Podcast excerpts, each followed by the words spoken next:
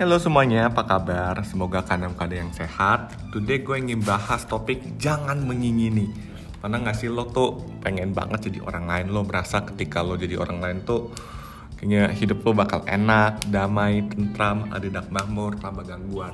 Well, gue percayalah setiap orang itu hidupnya beda-beda, nggak mungkin semuanya tuh lurus-lurus saja. Nggak mungkin ketika kita jadi orang lain tuh nggak ada masalah karena masalah itu akan selalu ada gitu. Cuma tergantung gimana kita merespon secara internalnya seperti apa. Kita nggak bisa ubah sesuatu yang terjadi di luar uh, anyway seperti itu. Dan pengen jadi orang lain itu nonsense sebenarnya karena kita nggak akan pernah jadi orang lain kita nggak akan pernah tukar nasib kecuali drama-drama TV ya mungkin kita bisa tukar nasib cuma belum tentu dengan kondisi kita berubah nasib kita akan menjadi lebih bahagia dibanding yang sekarang jadi dibanding terlalu fokus melihat keluar, kenapa nggak melihat ke dalam? Apa sih yang bisa kita kerjakan?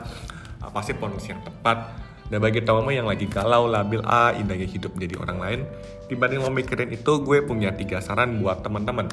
Saran yang pertama adalah kenapa nggak lihat ke dalam potensi diri lo? Bangun skill, bangun attitude, bangun networking yang tepat sehingga lewat skill, attitude dan networking kita bisa jadi pribadi yang lebih baik.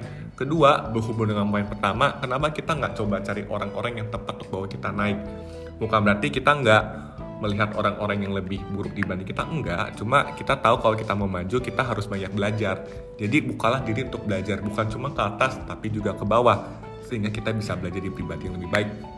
Yang ketiga, berproses kalau teman-teman lagi hadapi kegagalan, jangan takut untuk gagal karena gagal itu biasa. Belajar sedikit demi sedikit sehingga kita bisa jadi pribadi yang matang.